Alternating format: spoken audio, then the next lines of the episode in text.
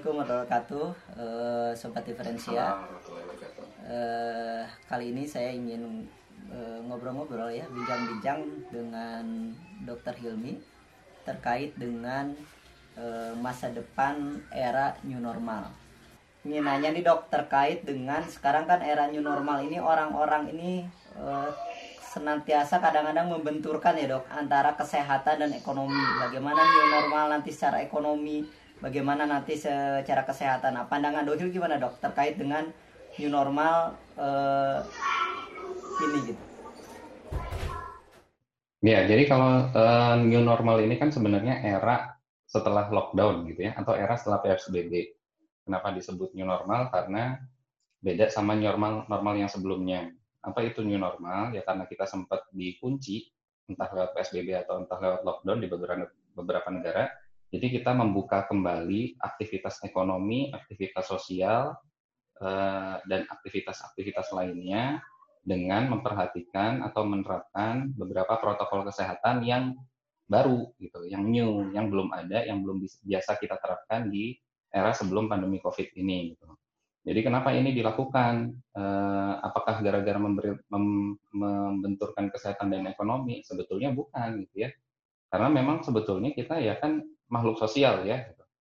Jadi harus berproduksi atau harus beraktivitas baik secara sosial maupun ekonomi. Ya manusia memang harus begitu gitu. Jadi kalau dibilang dibenturkan sebetulnya bukan, tapi kita berusaha untuk move on gitu ya, buat beralih dari yang eh, tadinya kita eh, dibatasi secara aktivitas sosial dan ekonomi, kita coba untuk kembali lagi menuju ke kehidupan yang eh, relatif lebih bisa kita kerjakan secara jangka panjang. Karena kan nggak mungkin kan orang di rumah selama berbulan-bulan atau sampai katakanlah gini ditemukan vaksin. Vaksin kapan ketemunya? Rata-rata kan 12 sampai 18 bulan. Mungkin nggak di lockdown, di PSBB selama 12 bulan. Nggak mungkin. Jadi orang tetap harus bisa beraktivitas, tapi pada saat yang sama eh, tingkat penularan virus ini bisa kita kendalikan. Jadi sebetulnya kan itu esensinya ya.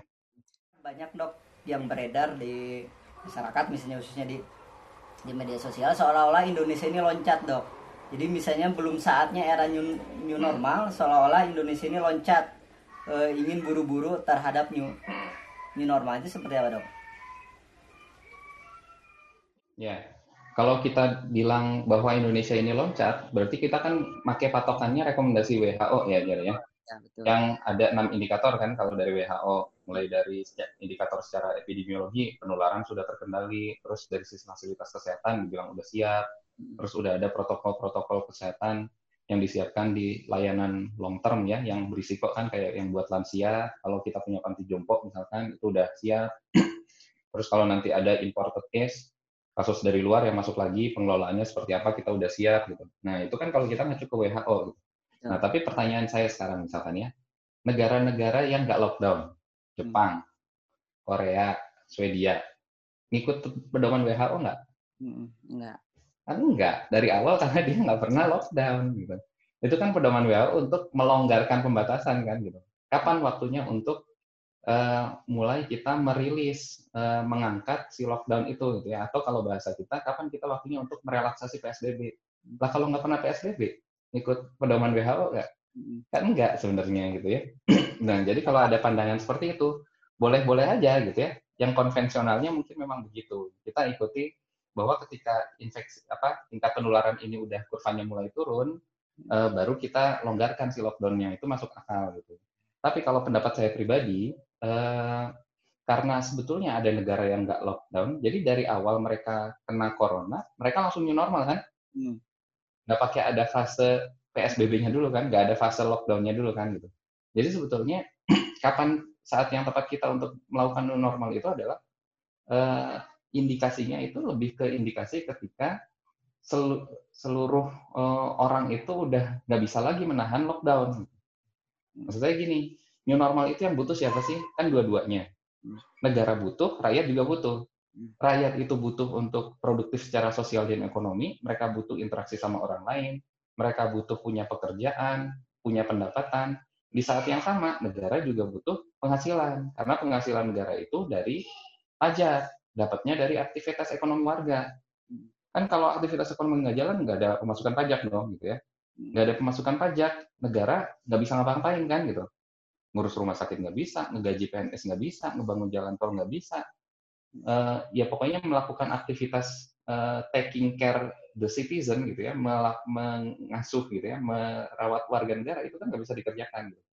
Jadi ketika dua-duanya ini udah nggak tahan gitu ya, warga nggak bisa hidup ketika dia di lockdown terus, negara pemasukannya udah nggak ada, kayak contoh aja ya, bocoran ya, kota Bandung itu kasnya udah nipis. Oh, gitu. Bahkan ada gosip-gosip sebagian bilangnya nol gitu ya. Nah, jadi kalau udah kas negaranya nipis, ya harus dibuka. Gitu. Karena supaya uh, ada pemasukan lagi, bisa beraktivitas lagi gitu. Jadi kalau saya sih mikirnya sebetulnya indikasinya itu lebih dari sisi perekonomiannya gitu ya. Ketika kita udah nggak bisa nahan lagi, bansos nggak bisa dikasih, duit negara udah nggak ada, fungsi-fungsi otomatis semuanya kan jadi nggak bisa jalan ya. Gitu. Nah itu saatnya normal gitu. Nah, cuman memang salah satu panduannya dari WHO mungkin harus dipertimbangkan.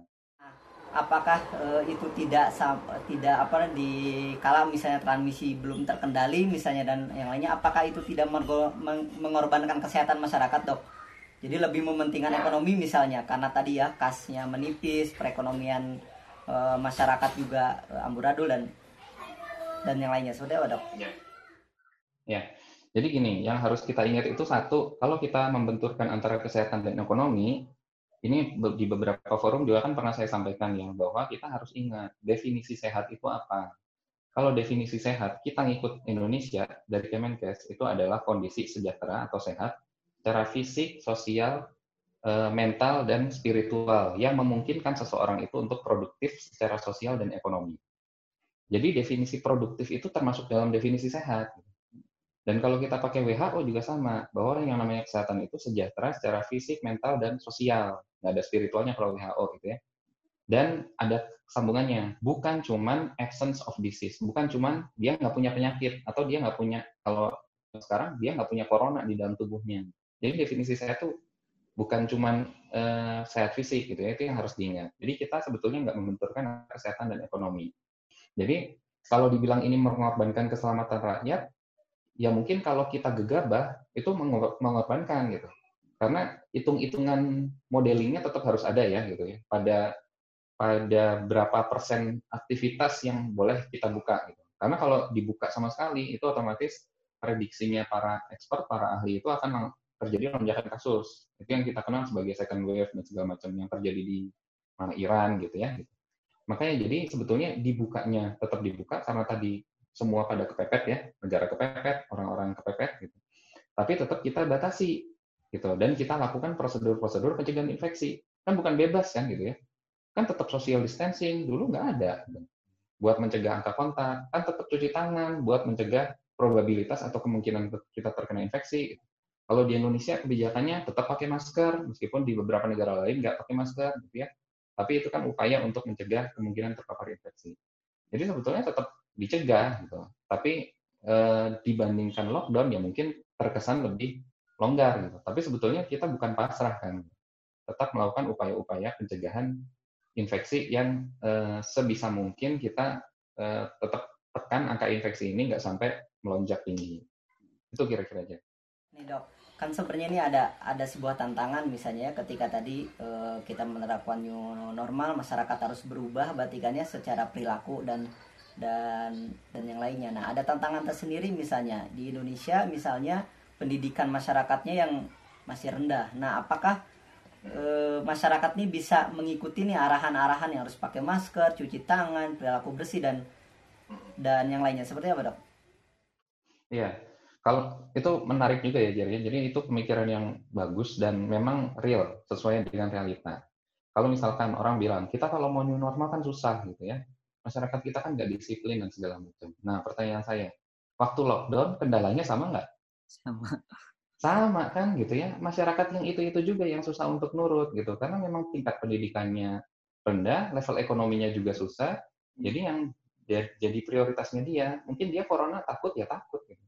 Tapi kebutuhan untuk hidupnya bukan cuma kebutuhan dia dari sisi ekonomi ya, tapi ternyata kan kita nggak tahu ya eh, rumahnya mungkin gimana gitu, yang mungkin buat dia nggak nyaman, jadi dia nggak stay at home, atau pendatang mungkin ke kota besar, ke kota Bandung, ke Jakarta, mereka ngontrak bareng-bareng, jadi tinggal di rumahnya harus ganti-gantian. Nggak mungkin, misalkan tiga keluarga secara sekaligus ada di rumah itu, jadi harus ganti-gantian keluar. Gitu. Nah, jadi kan banyak aspek yang memang uh, Indonesia itu uh, diverse gitu ya. Jadi aneka ragamnya itu luar biasa memang, bukan cuma dari ekonomi, pendidikan, juga geografisnya ya, pulauan dan segala macam. Itu memang jadi tantangan gitu. Jadi kalau dibilang itu hambatan untuk new normal, iya, dan memang harus sebisa mungkin diatasi gitu. Tapi kalau uh, statement itu cuma dikenakan ke new normal, itu yang saya kurang sepakat. Karena waktu lockdown pun kan kendalanya itu. Gitu. Ini kemarin saya ke, eh, ya memang terjadi ya, kayak kemarin aja ya, saya kan eh, ada keperluan harus ngirim sesuatu berarti harus ke JNE. Gitu. Jadi sekalian saya biar keluarnya nggak sering-sering, kalian ke eh, supermarket lah gitu ya dekat situ sepanjang jalan itu emang nggak ada yang menerapkan protokol kesehatan gitu. Iya. Terutama yang tukang ojek gitu ya, yang lagi jualan batagor gitu segala macam itu duduk udah deket-deketan, nggak pakai masker. Ya nggak ngerti mereka memang gitu ya, eh, nggak paham situasinya gitu ya.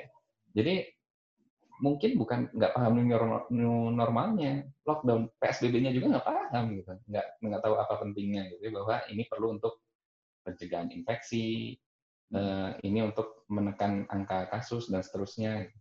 Jadi memang ya sosialisasinya emang uh, di zaman sekarang uh, tantangannya itu sejar gitu ya. Beda sama zaman mungkin Pak Harto ya. Saluran komunikasi itu semua direct kan ya. Kita tahu dari Pak Harmoko dikit-dikit nanti menurut apa petunjuk Bapak Presiden atau TVRI itu clear gitu ya. Yeah. Kalau ke orang-orang yang bandel secara agama pakai pemuka agama selesai kan gitu. Yeah. Nah ini kan kita ada sosmed gitu, informasi simpang siur dan segala macam. Orang dikasih tahu nggak begitu aja percaya. Gitu. Hmm. Jadi ya tantangan memang iya gitu ya, ya tapi harus di uh, diusahakan sebisa mungkin lah gitu. Kalau saya sih ngelihatnya begitu. Jadi yang penting pemerintah itu udah mengupayakan sebisa mungkin, kita semua udah mengusahakan sebisa mungkin. Kalau sempurna sama sekali kayaknya emang sulit ya. Kalau secara fasilitas publik nih dok, jadi apakah sekarang pemerintah sudah memadai atau belum untuk menuju new, new normal itu dok? Maksudnya fasilitas publik yang ya. memang orang lebih mudah untuk ber, berperilaku sehat gitu dok? Ya, ya. Jadi kalau kita bicara fasilitas ini bagus juga ya. Jadi salah satu sebetulnya kan yang direkomendasikan WHO sebagai syarat itu kan kesiapan dari institusi atau tempat kerja lah katakanlah gitu ya. Kesiapan dari berbagai tempat untuk melakukan upaya pencegahan infeksi. Jadi masing-masing itu harus punya protokol kesehatan. Mall punya sendiri, tempat kerja punya sendiri, lembaga sosial punya sendiri, tempat ibadah punya sendiri, dan seterusnya. Termasuk sekolah kan ya.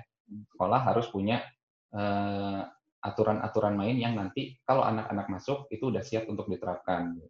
Nah, kalau kita bicara kesiapan atau enggak, sebetulnya kalau yang uh, istilahnya apa ya pemain-pemain besar gitu ya, supermarket besar dan segala macam itu relatif sebetulnya udah siap kan. Kan antriannya pada ditanda-tandain kan uh, supaya orang nggak berdesakan. Terus kayak kemarin saya masuk itu udah langsung diperiksa pakai termogan ya, diperiksa suhu kalau uh, tinggi nggak boleh masuk, terus disediakan fasilitas cuci tangan dan segala macam. Nah yang jadi masalah memang yang menengah ke bawah gitu. Jadi uh, kalau kita bisa berinteraksi sosial di uh, lokasinya UKM gitu ya, pasar tradisional, orang jualan di pinggir jalan dan segala macam. Karena tadi jangankan ke customer, ke diri sendiri aja mereka nggak menerapkan kan standar itu gitu. Jadi itu memang butuh ada treatment yang mengedukasi gitu. Saya nggak tahu siapa ya. Emang itu mungkin kesulitannya sekarang ya. Kita nggak punya simpul komunikasi massa gitu aja ya. Mungkin kalau e, mereka agak kuat, ada asosiasinya, dagang UKM dan begitu sama pimpinannya disuruh langsung nurut itu lebih mudah gitu. Tapi ini kan memang semua terpencar-pencar gitu ya simpul komunikasi itu kita nggak eh, nggak bisa menjangkau sampai ke yang paling bawah. Jadi itu kesulitannya. Jadi yang belum siap ya yang tadi yang menengah ke bawah tadi ya gitu dan kita mirisnya ya orang banyak kumpul-kumpul kan di situ gitu ya. Yang kita lihat siap itu menengah ke atas gitu. Sama sebetulnya kan seperti lockdown. Lockdown atau PSBB itu kan kemewahan yang dipunya oleh orang kelas menengah sebetulnya ya. Jadi middle class luxury yang bisa itu kan yang orang punya gajian kan gitu paling-paling dia dipotong gajinya ya sedikit lah gitu ya. Yang atas sama yang bawah itu menderita sebetulnya. Yang bawah di PHK nggak punya penghasilan, yang pekerja informal kerjanya harian otomatis drastis, si penghasilannya turun. Hmm. Yang atas kelimpungan, jangan dikira loh orang-orang pengusaha kaya itu nggak menderita kan. Dia harus gaji ya iya kalau karyawannya 10 20. Kalau 100, kalau 1000 gimana gitu kan. Ya sedikit cerita bahwa pengusaha yang atas itu sampai utang kan akhirnya gitu. Karena memang kan dia eh, bikin usaha ya otomatis karena eh, tadinya dia memperhitungkan iklim investasinya bagus kan gitu ya. Bisa lah balik modal dan segala macam pinjam ke bank dan seterusnya. Tapi ternyata begitu dihantam sama si COVID, habis semua kan gitu. Jadi dok, kira-kira yang e, ketika itu ya, jadi yang agak sulit sekarang misalnya ketika new normal itu tadi fasilitas-fasilitas yang memang di sektor e, bawah misalnya kayak pasar, UMKM. Nah, ya, kira-kira itu gitu itu ya, e, sektor, ya, sektor informal. informal. Nah, kira-kira e, kira-kira riskan ke si dok untuk penularan dan dan yang lainnya gitu. Atau memang harus mau nggak mau gitu harus ada fasilitas yang memang harus gitu atau atau seperti apa dok? Ya ini memang uh, ya satu negara tuh kalau memang banyak sektor informalnya pasti uh, less structure ya, maksudnya dia lebih cenderung nggak teratur kan gitu ya, dan ngaturnya juga susah gitu, tantangan pemerintahnya juga ya. susah gitu ya. Uh, jadi kalau misalkan uh, ini gimana cara ngaturnya harus ada aturan tertentu dan segala macam, saya yakin aturannya itu pasti ada gitu ya. Kalau lihat di panduan Kemenkes yang tentang pedoman uh, tempat kerja itu ya, ada apa bahasanya bukan fase new normal ya, uh, di era pandemi COVID atau kalau misalnya ya, itu pedoman tuh sebetulnya semua lengkap. Cuman kan satu nggak tersosialisasi sampai bawah, nomor dua begitu nyampe bawah itu memang bisa diterapkan atau enggak. Nah, uh, jadi uh, strateginya gimana? Kalau menurut saya sih yang penting usaha aja lah gitu ya. Secara uh, kalau kita dari pemerintah ya, termasuk sektor swasta kan sebenarnya bisa kontribusi ya. Sektor swasta, NGO, akademisi dan segala macam ya sesama masyarakat kita kan bisa saling mengingatkan. Peran serta masyarakat juga kan ada tuh di komponen rekomendasinya WHO bahwa uh, peran serta masyarakat ini didengarkan dan dilibatkan gitu ya. Jadi yang penting kalau kata saya kita usaha aja gitu karena kalau sempurna sama sekali pasti nggak mungkin. Kalau kita ngeliat tuh nggak pakai masker, jadi nggak siap. Susah gitu ya. Jangan sampai gara-gara ada satu orang nggak pakai masker, satu orang nggak bisa physical distancing, akhirnya uh, ditutup gitu. Kalau kita mikir gitu ya, katakanlah gini, ini new normal atau new mortal? Kan new mortal gitu ya, kan seakan-akan ada yang dramatisir kan kayak gitu ya. Gitu.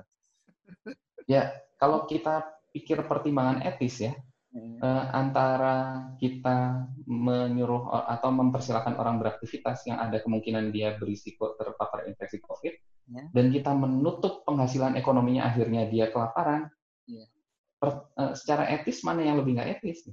Sama-sama aja kan gitu ya. Jadi emang pilihannya sulit gitu. Yeah, Jadi kalau kata saya uh, kritik yang ditujukan ke pemerintah sekarang itu lebih ke balancing aja gitu. Karena kita nggak tahu kebijakan mana yang sebetulnya bagus, kebijakan mana yang jelek sebetulnya. Kalau kata saya. Jadi yang penting prosesnya dikerjakan dengan benar. Oh kita udah mempertimbangkan A, B, C, D, E gitu misalkan ya. Kesehatannya udah ditimbang-timbang, ekonominya ditimbang, sosialnya ditimbang. Akhirnya keputusannya ini gitu misalkan ya. Ya udah gitu. Jalankan aja sosialisasi dengan baik, komunikasi dengan clear. Tapi kita nggak bisa menilai ini kebijakannya bagus atau enggak. Karena kita sendiri juga nggak tahu kesudahannya kan. Kesudahan COVID kita nggak tahu, kebijakan mana yang paling bagus kita juga nggak tahu. Jadi semua negara di seluruh dunia sekarang ini sedang bereksperimen sebetulnya. Jadi nggak jangan mengklaim yang paling bagus. Bagus. Dok, seperti misalnya tem, uh, new normal nih, apakah memang pembukaan fasilitas-fasilitas publik itu apakah perlu bertahap gitu ya, atau memang perlu perlu apa namanya langsung? Karena kan misalnya semua sektor sa, saling sal, saling berkaitan gitu ya dok misalnya misalnya uh, sektor ekonomi kemudian karyawan suruh suruh bekerja misalnya nah kemudian anak-anak sekolah masih libur. Nah ini kan cukup cukup merepotkan juga misalnya. Nah apakah seperti apa sih seharusnya di tahapan new normal ini gitu dok? Ya. jadi uh, benar sebetulnya jadi kalau di prinsipnya bahkan bukan WHO aja ya, semua negara yang nggak lockdown juga sebetulnya prinsipnya sama. Jadi aktivitas seperti apa yang diperbolehkan? Atau kalau kita karena bicara new normal ya berarti setelah di PSBB ditutup semua atau di lockdown eh, mulai startnya seperti apa nih gitu ya. Prinsipnya satu bahwa harus bertahap. Hmm. Karena kalau begitu bukanya langsung, itu pasti langsung jomplang kan, yang tadinya sangat-sangat kontak rate-nya sangat sangat-sangat rendah, ini langsung kontaknya tinggi banget gitu. Itu pasti langsung melonjak lagi si kasus. Gitu. Jadi harus careful gitu ya. Bukan cuma WHO ini yang merekomendasikan. Si publikasi ilmiah yang ada di jurnal-jurnal ilmiah juga semua bilangnya sama. Semua negara yang udah mulai ngangkat lockdown juga semua bilangnya sama. Jadi harus uh, stepwise gitu ya. Jadi pelan-pelan naik perlahan-perlahan, perlahan-lahan gitu. Jadi nggak langsung dibuka secara langsung. Kalau ada beberapa negara yang udah bikin modeling tuh gini ya, uh, dia kan pakai mungkin salah satunya Google Mobility Analytics kan kita tahu ya. Hmm. Google kan bisa menganalisis pergerakan orang gitu. Kalau waktu di lockdown kemarin itu kira-kira antara 20 turun tuh aktivitas orang di tempat kerja terutama ya dan keramaian publik itu antara sampai 20 sampai 30 persen. Jadi turunnya tuh sekitar 70 sampai 80 persen. Nah, new normal itu kita mengembalikan aktivitas tadi atau memperbolehkan aktivitas sampai maksimal kira-kira 60 persen dari yang dulu. Jadi nggak kembali lagi ke 100% mobilitasnya. Jadi cuma mentok di 60%. Kenapa? 60% ini udah dihitung itu kira-kira angka yang cukup bisa diterima orang untuk eh, aktivitas secara sosial ekonomi, tapi di sisi lain dari sisi pencegahan infeksinya masih terkendali gitu. Mungkin ada beberapa kasus gitu ya, tapi nggak melonjak banget yang sampai membebani pelayanan kesehatan. Ya. Kalau di atas itu, itu udah eh, infeksinya nanti tinggi lagi. Jadi ibaratnya di jalan tol kita dibatasin kecepatan 60 gitu ya. Jangan ngegas gitu. Nah, terus kalau dibukanya harus bertahap. Mulai dari yang mana tadi? Yang penting adalah layanan kesehatan yang esensial dan pertimbangannya komprehensif. Maksudnya apa? Tadi, yang esensial itu kan berarti yang penting-penting dulu gitu ya. Hmm. Yang eh, secara kehidupan masyarakat itu benar-benar dibutuhkan. Makanya kan kemarin pom bensin, bank, supermarket yang jual makanan itu kan nggak ditutup karena nggak bisa itu ditutup gitu kalau nggak ya kita jadi sama kayak Cina kan gitu ya. uh, tapi Cina pemerintah memang komunis pemerintahnya supply kan kebutuhannya masyarakatnya gitu sedangkan kita nggak bisa kayak gitu jadi layanan kesehatan yang esensial dibuka-buka dulu layanan kesehatan perbankan mungkin uh, apa uh, pekerjaan-pekerjaan lain yang nggak bisa dilakukan secara jarak jauh yang nggak bisa ditutup itu harus dibuka Terus pertimbangannya komprehensif, yang tadi udah dibilang. Kalau misalkan orang tuanya kerja, ya berarti kan eh, terdampak ke anaknya, terutama anak yang usia dini. Hmm. Ya mungkin ada kebijakan sekolah, eh, terutama yang anak usia dini ya, yang SD sama PAUD, hmm. itu boleh mulai dibuka. Gitu. Tapi yang harus diingat, ketika sekolah kita buka dan PAUD kita buka, bukan artinya kita nyuruh anak sekolah. Tapi kita memfasilitasi orang tua yang butuh Eh, anaknya ini harus ada yang take care, harus ada yang mengasuh, entah itu lewat guru, lewat pendidikan, atau di daycare atau di PAUD lewat diasuh sama gurunya, itu terfasilitasi. Oh, jadi lebih kalau dia nggak mau masuk gimana? Ya mengakomodasi gitu. Ya. Nah kalau misalkan dia nggak mau ngirim anaknya ke sekolah gimana? Mangga aja gitu.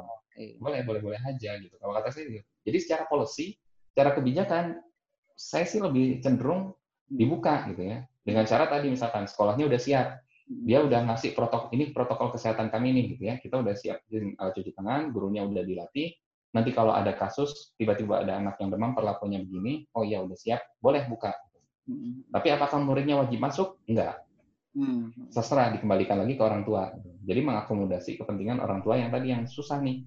Uh, kalau dia tenaga kesehatan anaknya masih uh, eh, TK gitu ya. Dia harus kerja anaknya TK nggak ada yang ngasuh. Ini gimana kan repot. Nggak ada tenaga kesehatan yang repot rumah sakitnya kan gitu ya. Nah jadi harus di bertahap pertimbangannya komprehensif dan eh, pekerjaan-pekerjaan yang sifatnya rekreatif itu yang belakangan kalau menurut saya jadi bukan sekolah hmm. yang sifatnya buat kesenangan doang gitu ya eh, kebun binatang gitu ya bioskop gitu itu kan orang kebutuhan tersier ya itu belakangan lah gitu karena kan itu ya kalau kita buka ya karena kebutuhan tersier orang cuma butuh hiburannya doang kan gitu. Jadi nggak sebanding risikonya dengan uh, angka kontak yang akan meningkat. Cuman kira -kira si pengusaha hiburan gimana dok? Akan terdampak cukup lama dok? Secara aspek ekonomi. Mm -hmm. Mm -hmm. Pengusaha hiburan pasti terdampak cukup besar gitu ya. Tapi ya tadi makanya yang saya bilang uh, pengusaha hiburan terdampak cukup besar pasti pemerintah juga harus ada eh, apa ya harus ada treatment ke pengusaha-pengusaha seperti itu. Tapi ini memang pilihan yang harus dibikin karena tadi saya bilang ini kita nggak bisa balik 100% lagi sebetulnya. Gitu ya. Jadi memang harus bertahap sampai ujung-ujungnya ke beberapa modeling mengatakan 60%, mungkin maksimal 70%. Gitu ya. Nggak akan nyampe ke 100%. Gitu. Jadi pasti ada bisnis-bisnis yang kita sampai 12 bulan ke depan sampai ditemukannya vaksin yang mungkin bisa orang jadi lebih pede buat keluar dan segala macam itu ketemu si vaksinnya gitu. Jadi kita harus bisa bertahan dengan uh, hal yang seperti itu gitu ya. Ya otomatis si pengusaha tadi harus uh, ya mungkin jumlahnya ya saya nggak tahu ya dibandingkan sama pengusaha di layanan esensial seberapa banyak. Hmm. Tapi mungkin ya karena dari awal dia bikin bisnis model hiburan ya kayaknya bisa lah gitu ya. Switching ke bisnis model yang lain gitu usahanya. Meskipun nggak segampang itu pastinya. Ya. jadi poinnya kita tidak harus membenturkan antara kesehatan dan ekonomi. Yang harus kita lakukan sekarang adalah merubah gaya hidup kita yaitu dengan social distancing dan gaya hidup sehat salah satunya mencuci tangan dengan sabun terima kasih Sampai ketemu lagi di obrolan berikutnya.